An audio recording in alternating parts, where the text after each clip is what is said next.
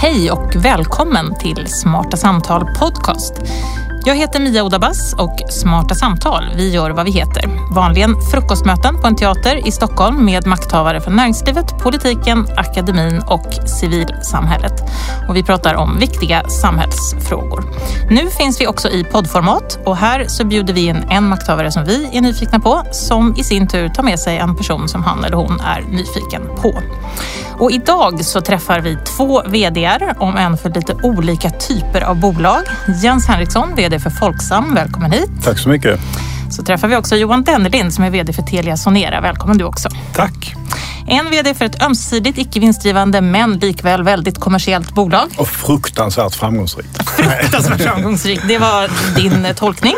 Eh, Johan Dennerlind, du är då VD för ett eh, stort börsnoterat jättelikt aktiebolag. Lite olika typer av bolag och detta ska vi alldeles strax prata lite mer om. Mm. Vi ska prata idag om hur man gör en resa i företagskulturen utan att tappa balansen. Hur man jobbar med sitt varumärke i en global och transparent värld. Och förstås ska vi också prata om digitalisering. Allra först Jens, varför är du nyfiken på Johan? Ja, för att börja med att säga tack Mia för inbjudan att komma hit. Jo, jag är intresserad av Johan därför att Johan jobbar på ett bolag som har gjort en väldigt stor omvandling. Ett bolag som har sitt ursprung i Televerket eh, och kan man säga liksom, ja, man, vi har alla vår bild av Televerket till att idag vara ett stort, modernt börsföretag som finns i många länder. Och jag är intresserad av den resa det eh, har inneburit för de som jobbar på företaget och hur man gör för att modernisera eh, och hänga med i teknikutveckling och sånt. Den typen av frågor är jag intresserad av. Mm. Och det ska vi förstås prata om. Johan, du får berätta först. Hur känns det att vara här? Mycket spännande och glad Jens att du har bjudit in mig. Vi har ju haft lite kontakt mm. under åren här bakåt och det ska bli väldigt intressant att, att prata vidare om det. Och tack Mia för att för möjligheten. Det är en spännande ny version av ett samtal. Mm. Hörrni, vi börjar där tycker jag. Vi började i den här företagskulturresan Johan som ni ju har gjort. Du var inte med på monopoltiden men det är ju en stor och lång resa som ni har gjort. Hur gör man för att hålla balansen hela vägen? Oj, det, det är ju en jättefråga att börja öppna med här men det, jag, jag, har lite, jag har två perspektiv, eller tre perspektiv på, på bolaget som det är nu då, tidsmässigt. Det ena är ju när jag växte upp, då det var Televerket. Eh, när de orangea bilarna körde omkring på gatorna och eh, det var monopol och man ringde eh, med telefonen med ett bolag. Sen så började jag faktiskt eh, på Telia 95 som trainee och eh, jobbade här i, på bolaget i fyra år. Var det då du var med Martin Lorentzon på Spotify? Va? Ja, precis. Vi ja. var ju traineer samtidigt ja. där och, och, skulle förändra eh, världen. Och nu är det en som är VD och en som sitter i styrelsen. Ja, det är ju en otrolig tillfällighet mm. måste jag säga och spännande i sig. Det kan vi säkert komma tillbaks till.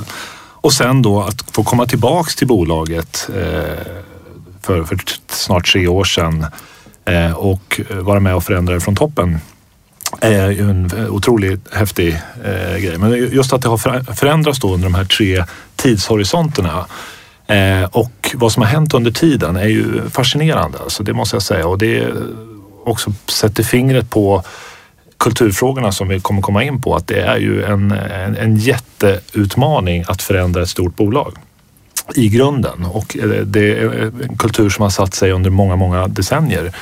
Och när man pratar om det, det sitter i väggarna. Det är lite grann det vi är i och eh, försöker och förändra och förbättra i grunden. Så det är häftigt. Men du, vad tycker du har funkat bäst? Vad är, så att säga, om du går till en, en Telia-anställd och, och frågar den, vad är, vad är det som har blivit oändligt mycket bättre att vara Telia Sonera jämfört med att vara Televerket? Vad svarar då medarbetaren? Vad svarar medarbetarna? Det är ju inte många som har varit med sedan Televerket. Det, det, det, det, fin, det finns, eh, det finns ett antal eh, som hänger i sedan mm. Eh, sen gamla tiden som är fascinerande. Både styrkan och kraften och energin att vara kvar och, trots förändringarna som har skett då, och brinner ju fortfarande för att förändra för kunden till det bättre. Men jag tror den stora skillnaden som är under de här tre som, epokerna som jag har sett i alla fall, det är ju att konkurrensen har ju tvingat eh, Telia att bli vassare och bättre i alla avseenden mot kund. Eh, utan det så hade, utan konkurrensen och det som öppnades upp för ett antal decennier sedan så hade det ju varit ganska trist att vara kund idag för, eh, med våra olika bolag. Nu är det ju ett eh, extremt konkurrensutsatt marknad med, som ligger i världs framkant i världen. Vi mm. har ju drivit mobil, kom från Sverige, Ericsson och Televerket väldigt, väldigt tidiga, satte pionjärer, var pionjärer för att sätta mobil på agendan i hela världen. Mm. Sen kom internet där Sverige var väldigt tidigt också och drev mm. på internetutvecklingen. Och sen kommer de här två stora rörelserna tillsammans i en, mobil internet som då i sig accelererar en revolution där också där Sverige ligger i framkant. Och det ser vi ju i Stockholm, i Sverige, Göteborg, Malmö och andra städer. Innovationskraften och tekniknyfikenheten eh, och robustheten i infrastruktur inte minst i Sverige som leder till att Sverige är väldigt konkurrenskraftigt. Och det, digitaliseringen, där har vi unika möjligheter i Sverige att driva på utvecklingen i världen. Om jag får som fylla på där ska jag säga så att för mig så är det kundfokuset. Mm. Det är klart att vi, vi kommer ihåg Televerket på gott och på ont. Det fanns bra grejer och dåliga grejer, men det ena är vi skulle kunna prata lite om kundfokuset och det andra är effektiviteten. Mm. Och det är, det är så att det är två frågor jag sitter och bollar med, i, eller sitter och bollar med fel, jag sitter och tänker på varenda dag. Mm. Är det två frågor, måste jag fråga, som liksom, hör de ihop eller är de, har man dem på varsin sida? Hur, hur liksom ja, det är ju, alltså I bästa fall så är, är du alltid kundfokus och alltid effektivt. Mm. Men jag kan ju då säga att jag, jag sitter då på ett, på ett ömsesidigt företag eh, som är kundägt och det innebär att det är ett extremt fokus på kunden hela tiden. Man tänker alltid på vad kan jag göra för kunden och det har väldigt många fördelar. Eh, sen har det också nackdelar ibland, för ibland har vi liksom gått för långt för att tillfredsställa kunder och därmed skapat eh, dåliga tekniska system bakom. För att kunden vill ju ha så, så har man inte tänkt riktigt på vad det, vad det kostar. Eh, och det är väl en sak där jag då eh, försöker fokusera rätt mycket nu på. Det är ju då digital omvandling mm. och effektivitet. Men, men kund, kundfokuset finns väldigt starkt i Folksam som ett kundägt företag. Jag var i Davos nyligen och fick frågan lite grann om hur, hur står sig svenska företag internationellt sett? Alltså, vi är väldigt konkurrenskraftiga generellt sett, men just inom IT och kommunikationsområde så tycker jag mig se att många företag ligger lite efter. Vi sitter fast, och det har du själv pratat om Jens, vi sitter fast i gamla strukturer mm. som faktiskt hindrar företag att nå sin fulla potential. Mm. Och det tycker jag det är vår uppgift att dels synliggöra och tydliggöra att, att vi sitter fast. För vi sitter också fast i våra gamla system. Vi håller också på med en transformation som, som mm. du gör. Mm. Eh, men att få företag att se möjligheten med den teknologi som finns. För att det är det som kommer att vara grundplattformen i den, vad vi då kallar den fjärde industriella revolutionen som var temat i Davos också få företag att använda möjligheten, inte bara att, som telefonitjänsten isolerat eller internettjänsten isolerat mm. eller mobilt, utan att se möjligheten när allting kommer samman. Vilka otroliga möjligheter det har att förbättra för dina kunder. Mm. Och det är det vårt samarbete mycket handlar om, där vi måste leverera era, era förväntningar naturligtvis, men vi ser ju otroliga möjligheter för förenkling och förbättring. Mm. Och det är drivkraften tillbaka till kulturen lite grann och det känner jag efter att ha gått runt med dig i matsalen på, på Folksam att det finns ju en drivkraft att förändra och förbättra för kund. Mm. Och det tror jag vi har, har gemensamt väldigt mycket. Och sen kanske det har varit lite olika mycket under generationerna i, i firman där tidigare så fanns det oändliga resurser att faktiskt investera i kundnöjdhet. Sen i takt med att affärskraven kommer in och vinstkraven kommer in så har man då haft en tendens att så optimera investeringar och då kanske kund åker ner ibland och det mm. är livsfarligt. Därför att det finns bara en väg framåt för lönsamhet och det är nöjda kunder, nöjda medarbetare ger nöjda aktieägare. Där någonstans tyckte jag mig se detsamma hos er, fast i en annan form. Jag tänker också så här när jag hör dig, ni har mycket kundfokus Jens i, i Folksam, ni är liksom ett kundägt bolag. Här har vi ju då eh, börsnoterade bolag. Ni har aktiemarknadens krav på er ständigt och eh, snabba leveranser. Och du säger att det ibland då är på bekostnad av kunden? Har varit åtminstone. Mm. Eh, vi försöker ju rätta till det därför att i vårt fall är det också så att vi har ju 500, över 500 000 aktieägare i Sverige eh, direkt och sen har vi indirekt alla svenska aktieägare i Telia Sonera Eh, och vi har väldigt många kunder. Så att vi, jag ser det som, jag ser ingen liksom skillnad på det. Vi måste vara, se till att våra kunder är nöjda. Eh, och då blir våra aktieägare också nöjda så småningom. Och det där är en balansgång naturligtvis när man lever under en kvartalskapitalism som det innebär att vara börsnoterad. Och det, där har vi tagit fight eh, och sagt att nej, vinsten kommer inte bli lika hög som ni förväntar er under 2015 och 2016 därför vi måste våga investera oss ur eh, det du kallar mycket riktigt Jens, eh, tekniklegacyn mm. eller teknik det är ganska likt det vi har. Vi sitter ja. ju med ett enorm, ja, enorm teknikskuld. Det är ett bra ord. Alltså. Jag delar det. 850 olika IT-system som, vi liksom, som är jättegamla där vi försöker byta ut. Det är väldigt svårt. Men för för det är lite elaka fråga. För att, och det är ju, när man går då från den här televerkskulturen till att vara ett bolag som är noterat på Stockholmsbörsen eh, tror det, då finns det alltid en risk, det är en pendelrörelse, att den slår över till andra sidan och går för långt. Och då är frågan, tror du den här då viljan att gå från televerk till att bli affärsmässigt, att den i sin tur ledde till de problem ni har haft med mutor och sånt. Att man gick för långt. Man skulle liksom på något sätt, vi är affärsmässiga och så blev det, gick för långt och det var det som i sin tur ledde till att ni fick problem med då korruption och de saker som varit ute. Nej, alltså, jag skulle vilja skilja på de två lite grann. Ja. Det, det, är anledningen till att det har gått fel där borta i öster, som, mm. som vissa uttrycker sig, eller våra länder i Eurasien, mm. Eh, är ju för att jakten på tillväxt var mm. en viktig faktor. Kontrollen var eh, i princip obefintlig eh, och tiderna var annorlunda. Kraven var annorlunda. Lagstiftningen såg annorlunda ut.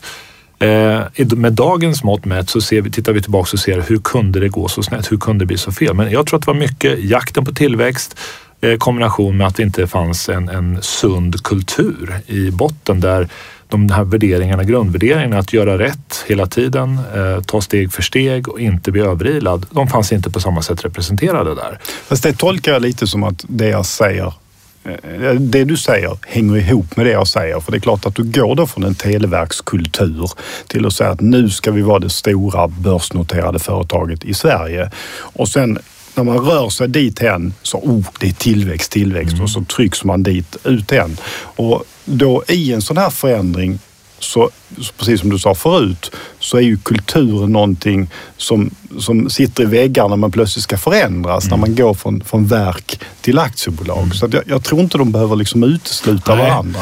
Sen, sen tror jag som kulturen i bolaget, om jag ska prata lite grann om det här, så är det ju i grund och botten, är det, vi, vi är idag 26 000 anställda och i 99 procent av, av de anställda har ju rätt värderingar och sunda värderingar och skulle ta rätt beslut. Men få stora beslut gick fel mm. och det betyder inte att hela organisationen har fel kultur. Mm. Däremot kan få stora felbeslut skapa fel kultur. Ja, och den försöker vi nu då rätta till och se till att det inte får fotfäste. Jag har varit ute och pratat med massor av våra kunder i Sverige från det jag startade 2013 och förklara det hänger inte ihop. Vi, naturligtvis ser vi att ni ser oss som ett problem men låt oss förklara hur det ligger till. Att mm. Det har ingenting med vår svenska verksamhet att göra med hur vi levererar till våra kunder här och de anställda i Sverige och deras värderingar som i grund och botten är ett fantastiskt sunt bolag eh, som vi ska vara väldigt stolta över och under många generationer, har, eller många generationer, många år mm. gjort ett fantastiskt arbete som över natten fick en stämpel på sig att vara korrupt. Mm. Och det hade ju ingenting med Uzbekistan att göra om vi ska vara konkreta. Men fick naturligtvis svara på de frågorna. Du beskriver det som få stora beslut som gjorde att det gick väldigt fel och nu sitter ni och eh, städar i det här under ganska lång tid. Hur lång tid tar det att vända? Ja, det är ju en, en, en resa. Eh, man bygger varumärken och stolthet, det tar tid. Det är som att bygga ett nytt företag, man bygger ja, värderingar, det tar väldigt, väldigt lång tid. Och, men det går väldigt snabbt att rasera. Och det, det. Därför måste man vara extremt försiktig och varsam om varumärken som är byggda. Och därför måste man ha otroligt god kultur och sund kultur, värderingar, och processer och rutiner för att behålla det. Och det hade vi inte.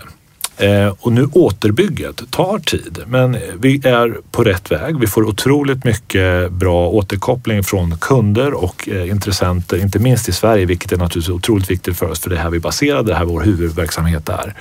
Så där tycker jag att vi är tillbaks eh, och till och med kanske bättre nu anseende i många av, avseenden än vi hade tidigare. Däremot så finns det fortfarande otroligt mycket att göra mot vissa intressenter. Aktieägarna till exempel har ju fortfarande inte fått tillbaka det fulla förtroende för bolaget och det ser vi ju i aktiekurs och annat. Och det jobbar vi stenhårt med att få Mm, tillbaka. vi som köpte aktier för 85 kronor en gång i tiden, vi, eh, det är lite potential kvar kan man säga. Det ska vi konstatera.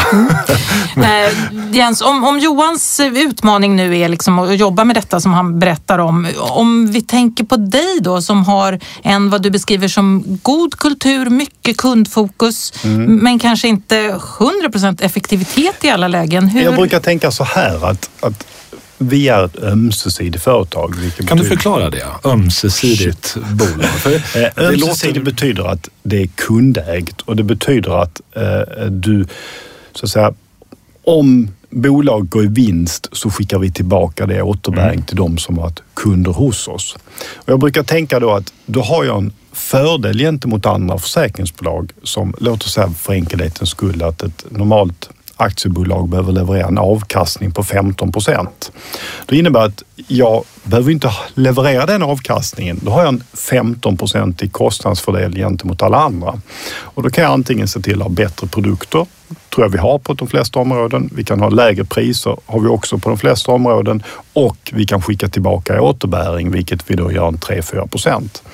Då så tittar folk med och säger, det där verkar ju himla bra, men, men, eh, men eh, liten ordningsfråga. Om det nu är så himla bra med ömsesidigt, varför är inte alla bolag ömsesidiga? Därför då har du liksom per definition sagt bättre. Jo, därför att har man då ingen ägare eh, som sätter liksom, tummen i ögat på en, då finns det alltid risken att man blir lite slö och slapp. Eh, Och därför så är min tankegång när jag kom till Folksam var ju då att vad jag ville jag var ett antal saker. För det första se till att det blir ett mer modernt finansiellt bolag i den bemärkelsen att vi måste följa alla de regelverk som finns. Eh, Och sen måste jag bejaka då digitaliseringen genom att se till att vi, vi eh, från att vara det sämsta försäkringsbolaget på den här sidan och idag ska jag säga att vi tillhör mitten eh, och tar ytterligare steg framåt och vi kan återkomma till, till vårt samarbete där. Eh, och, och dessutom då effektivisering. Eh, och där är mitt fokus nu. Det är liksom hur kan jag se till att vi gör eh, detta effektivt? Så var det underinvesterade tidigare? Används de här 15 procenten som du beskriver fel då tidigare?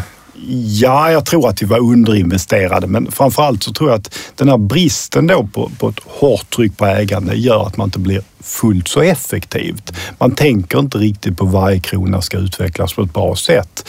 Eh, och jag tror, liksom, rent allmänt så tror jag, i- nu pratar jag inte Folksam, men rent allmänt så tror jag de här tar ut varandra. Så att den här 15 procent effektiviseringen kan då kompenseras med kanske 15 procent mindre effektivt. Och det är därmed du då inte ser så många ömsesidiga företag. Min Jag måste bara få återgå till den här pendeln som du pratar om Jens, Mm. och, mellan effektivitet och kundfokus och eh, börsnoterat bolag, ömsesidigt bolag. Eh, mycket press på, på dig och på er Johan. Lite mindre press kan man då säga på ett sätt Jens. Hur hittar man den här balansen? För det är klart att det är bra. Men det är mitt, min uppgift. Ja. Det är ju därför vad jag då gör det att jag fokuserar då på att skapa pressen på effektivitet. Sen kan man då säga att man- jag lyckas inte tillräckligt bra eller, eh, och då ta igen den digitala eftersläpningen och sånt. Det är ju mitt uppdrag då som VD i ett kundägt företag. För att ägarna är inte liksom lika kraftiga på det sättet som man är i, i ett aktiebolag tror jag. Men Fast det ägarna borde ju ändå, så, bara, förlåt, bara köra in en kommentar. Det borde ju vara ä- ännu mer krävande i ett ömsesidigt bolag där kunderna då har makten. Men svårigheten kanske är att förstå vad kunderna ska förvänta sig av, om vi tar det där exempel med 15 procenten, att det verkligen går tillbaka till kunderna. Att de kan mäta det och det inte, att man inte tror att det skulle vara 17 eller 13. Det är först då du får någon form av referens till effektiviteten. Den pressen har ju du, men den kanske inte är lika synlig. eller? Nej, men det är också så att eh, om du gör ett dåligt bokslut eller ett dåligt kvartal, då skrivs det väldigt mycket i tidningarna om det. Och med rätta. Därför, eh, precis som du sa förut, och du också med alla människor i Sverige är delägare i Telia.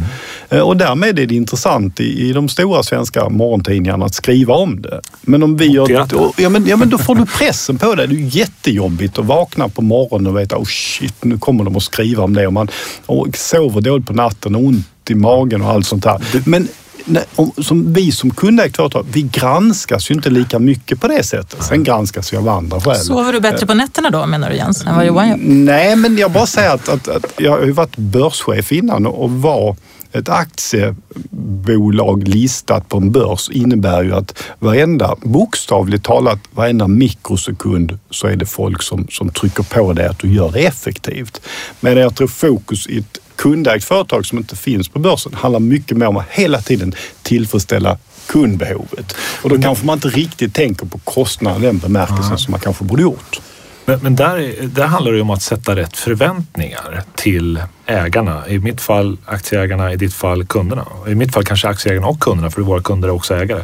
Men, men det är för att som, som du kan ju gå ut och ta en strid och säga nej, nu är det kundnöjdhet är allt på alla våra parametrar, alla våra rörliga ersättningar, alla våra mätetal. Det är bara kund som gäller.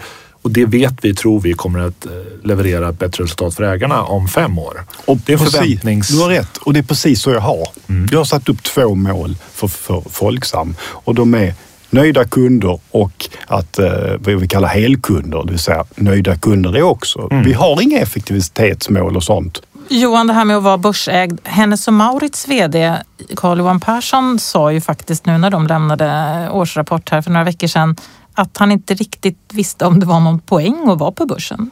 Och de drog också ner informationstillfällena från fyra till två gånger per år. Vad säger du om det? Man måste fundera igenom varför man är på börsen naturligtvis. Varför går man till börsen? Men när man väl är på börsen, då är man där och då måste man hantera det i den situation som finns. Och, och i, sen det beror ju liksom lite grann på hur ägarstrukturen ser ut och H&M är annorlunda från Telia Sonera etc. Eh, men i grund och botten så är man ju på börsen för man är del av en liksom kapitalmarknad där man har tillgång till kapital på ett annat sätt. Eh, I alla fall teoretiskt kan man diskutera om det faktiskt är så. Eh, man är också öppen för en helt annan typ av transparens och rapportering, vilket i grund och botten tycker jag är väldigt positivt. Det är, vi ska inte ha någonting att dölja och därför ska vi inte ha några problem att rapportera.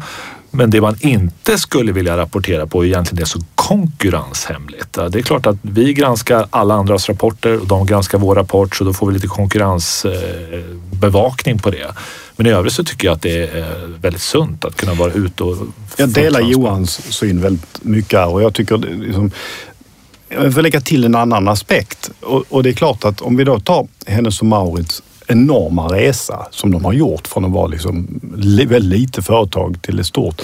Det har inneburit också att väldigt många svenskar har fått tagit del av den värdeökning som har skett. Eh, och det tror jag också kan vara positivt. Så jag brukar som när jag var tidigare börschef så pratade jag alltid om att jämför det Hennes och Mauritz med IKEA. Ikea är ju en grund och botten, vi är jättestolta över Ikea, men allting har lett till att en familj, en person har blivit väldigt rik. Eh, och jag är inte säker på att det i längden eh, liksom blir uthålligt att förmögenhet alltid samlas hos en person, utan det här Hennes och Mauritz resa har ju många svenskar fått glädjas av och det kanske också gör att vi går och handlar på Hennes och Mauritz.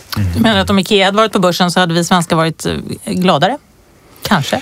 Det tror jag i och för sig vi hade varit. Rikare. Därför vi hade haft rikare. Eh, och eh, vi som pensionsbolag hade med glädje köpt aktier i, i, i uh, Ikea, Ikea, som vi sen mm. hade kunnat se till att ge en högre avkastning. Mm. Good point.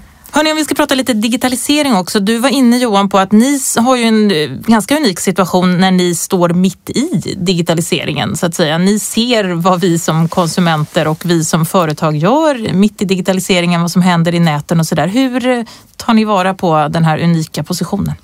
Väl beskriven fråga tycker jag. Vi står mitt i den och vi har en, en enorm möjlighet att ett, göra vår verksamhet bättre naturligtvis, men i syfte att göra våra kunders verksamhet bättre så att Jens kunder då i det här fallet får en ännu bättre upplevelse i sin, sina olika interaktioner med bolaget. Och där, jag tycker inte att vi har, jag ser väldigt mycket teknikskuld i i våra svenska bolag och jag ser vilka enorma möjligheter som nu ges i den här nya världen.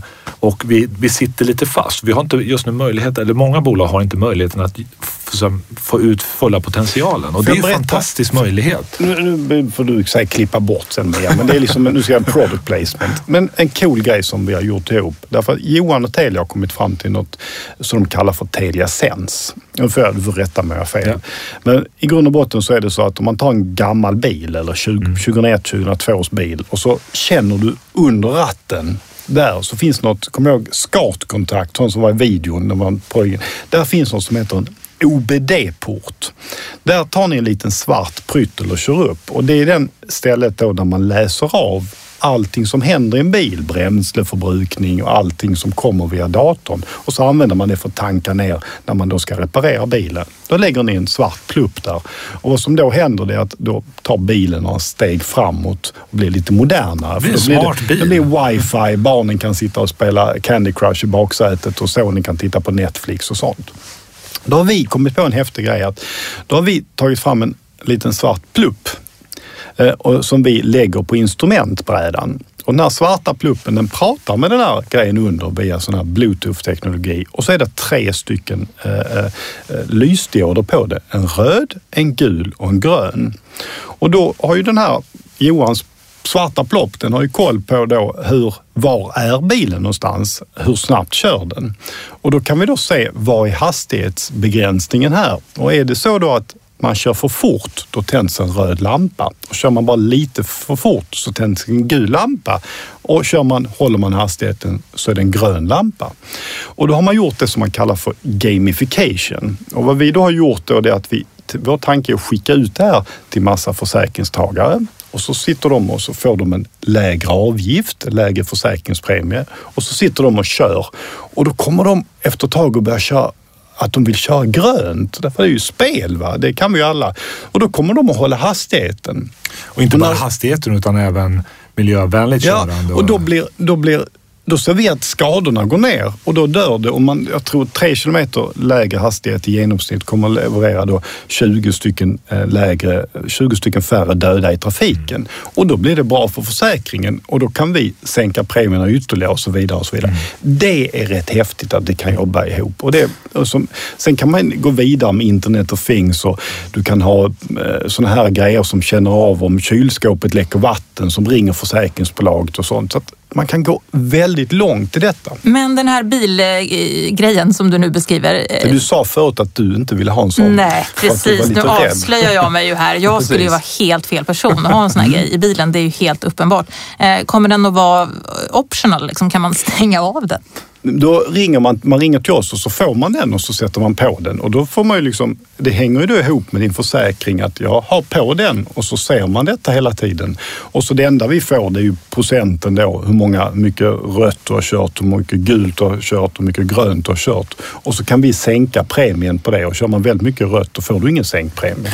Dynamisk försäkring. Ja. Fantastiskt. Och det är ju liksom bara en möjlig, nu, eh, möjlig del av det som sker digitaliseringen i olika branscher. Och vi, alltså, vi måste fokusera för det finns så otroligt många möjligheter som öppnar sig nu i alla branscher. Så här är ju liksom uppmaningen till svenska företag att förstå möjligheterna man har med sin egen eh, teknikplattform och hur man ska ta den in i framtiden och förbättra sin egen affär. Och där är vi ju massor med industri eller massor med aktörer i vår industri som är redo att hjälpa till naturligtvis för att få fart på Sverige. Här har vi en möjlighet att återigen sätta Sverige längst upp på, på listan och, och längst fram i teknikutveckling och, och vara eh, anledning till att många reser till Stockholm och Malmö, Göteborg och Örebro för att se vad som händer i Sverige. Ja, digitalisera mera, för det är ju ändå så att ju mer vi som kunder och konsumenter och företag digitaliserar oss, desto mer tjänar ni på det och vi kanske också i förlängningen.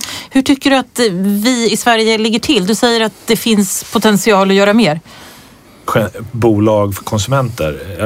Generellt sett tycker jag att vi ligger extremt långt framme som nation. Mm. Eh, vi har tagit kloka beslut historiskt, både politiskt, eh, riskkapitalmässigt, företagsmässigt och eh, vi som invånare i Sverige har varit mottagliga och nyfikna och har drivit på. Så att vi ligger ju, det ska vi vara stolta över, vi ligger långt fram i världen. Sen är det ju så att hela systemet ska med, hela samhället ska med, alla företag ska med för att få full utväxling på potentialen. Och där har vi en bit kvar. Men jag är, varje gång jag är ute och träffar företag och politiker utomlands så är folk så fascinerade av det som sker i Sverige just nu. Så det måste vi våga vara stolta över och prata mer om och visa upp det vi gör på ett, på ett sätt och det får vi möjlighet till ibland. Men jag är otroligt optimistisk om att Sverige kan leda igen i, i världen. Hörrni, när det gäller digitalisering så finns det ju också, det, finns, det är ju jättebra att digitalisera massor, men det finns ju en del baksidor också, en del rädslor. Jag tänker till exempel på eh, att man automatiserar och robotiserar, det försvinner en massa jobb. Sen finns det också den här aspekten att eh, det kan vara integritetskränkande. Man vet inte riktigt var balansen går. Hur ser ni på de här eh, rädslorna och baksidorna som ändå finns? Jo, men det är ju jättestora Eh, problem, eller problem bägge två, men också möjligheter. Om man tar den första så tillhör inte jag den som tror att jobben kommer att försvinna. Eh, ja, eh, om man, alltså, man får vara försiktig när digitaliseringsrevolutionen, den är ju stor på ett sätt jag menar Uber och allt sånt där. Samtidigt så när man pratar med amerikanska eller duktiga ekonomer så säger de att på marginalen är det en väldigt, väldigt liten förändring makroekonomiskt. Eh, och de sa, alltså pratar vi stora förändringar så var det upptäckten av hjulet och bilen och elektricitet och, och vatten, eh, ja, inte vatten men avlopp, vatten och avloppssystem och sånt. Att man kan beställa taxi smartare är är ganska marginell förändring i samhället i övrigt. Men däremot kommer det ha stora förändringar på individuella företag. Eh, ena dagen så bedriver du ett stort taxibolag. Jag tror det var San Franciscos största taxibolag nu som eh, gick i putten tack vare att eh, Uber har kommit in. Och där kommer du se stora förändringar. Integritet, eh, så är det ju så att där måste man noga ha tänkt igenom vad man gör. Eh, och man måste väldigt tydligt ha kommunicera till kunden eh, hur vi kommer använda den data man får in. Och för oss är det ju till exempel jätteviktigt då att när en kund kör en bil, om de kör för snabbt, att vi då inte ser den datan utan det enda vi ser liksom är procenten hur man kör. Det, den typen av frågor måste vi hela tiden grotta i. Jag skulle bara tillägga att det är en av vår tids absolut viktigaste frågor. Jag tror att bara fokuset och betydelsen kommer att öka lavinartat Eh, för att säkra oss, säkra dig, säkra företagen mot dels som fysiska eh, IT-intrång, eh, virusintrång etc. Men också integritetsfrågan. De två kommer vara helt avgörande för tryggheten och pålitligheten i varumärkena som vi pratade om tidigare. Misslyckas man på de här två parametrarna så, så får man sen en rejäl smäll eh, Eh, som är svår, kommer att vara svårt att reparera. Det har vi sett tecken på redan i, i nästan alla branscher. Företag som går snett, som är, har otur, som är utsatta för attacker. Här gäller det att vi alla uppgraderar och det har ju, tycker jag också Sverige väldigt högt på agendan jämfört med en hel del andra länder. Tänk på vår bransch då. Tänk om Google startar ett försäkringsbolag som heter Google Insurance. Och då ställer jag den högst hypotetiska frågan. Om man söker på tjocktarmscancer 25 gånger, tror ni man får högre eller lägre livförsäkringspremie då? Mm. Den typen av frågor kommer att ställas. Mm. Mm. Bra exempel. Det är en mycket spännande framtid som vi går till mötes. Johan Dennelind, Jens Henriksson, mycket stort och varmt tack för att ni var med i Smarta Samtal Podcast idag. Tack så mycket. Tackar. Ska jag berätta också för er som lyssnar att nästa gång så träffar vi Erik Tedén som är ganska ny generaldirektör för Finansinspektionen som möter en lika ganska ny, skulle man kunna säga, VD för Industrivärden, Helena Stjärnholm. Så det blir nästa podcast. Stort och varmt tack för att ni har varit med och lyssnat idag. Smarta Samtal Podcast spelas in och produceras på Beppo Ljudproduktion.